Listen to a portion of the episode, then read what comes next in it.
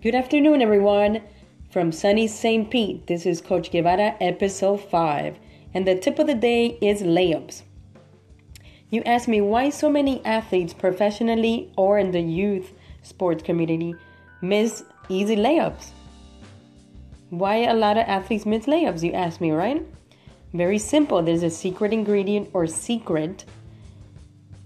You follow the format. It's one, two, up. Either you elevate or you jump.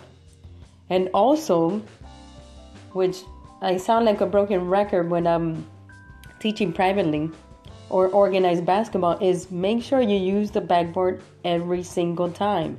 A lot of NBA players, WNBA players do not use the backboard, which baffles me every single time because if you use the backboard, it's 99% you're going to make your layup. Either you're pressured by the defense or you're wide open. But you ask me, why do they miss layups? Aren't layups easy to make? You would think so, but a lot of athletes miss them. You ask why? Simple. They don't use the backboard. They don't elevate. They don't jump. They don't use their vertical jump. They think, oh, it's it's a layup. I can make it. Nope.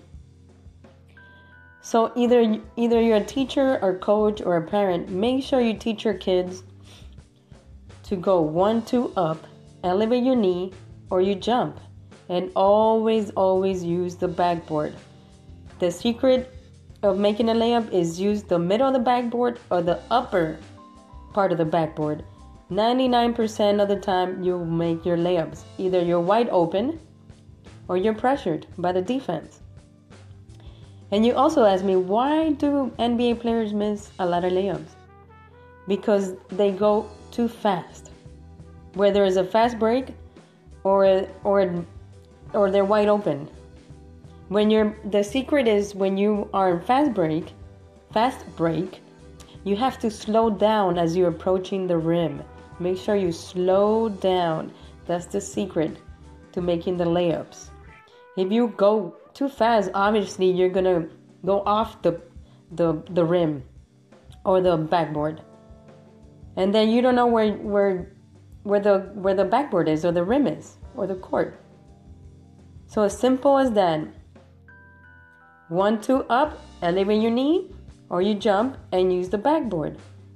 But many players, either professionally, whether it's the NBA or WNBA, or the youth basketball leagues or private coaches, they tend not to teach the kids to use the backboard or to elevate your knee or to jump or to even even see where the entire court is.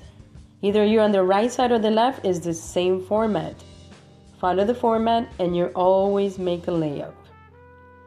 So that's the tip of the day how to make easy layups. This is Coach Guevara. Make sure to follow me on on Twitter and Instagram at Chinese Hoop. This is Coach Guevara. Have a wonderful day. I'm out.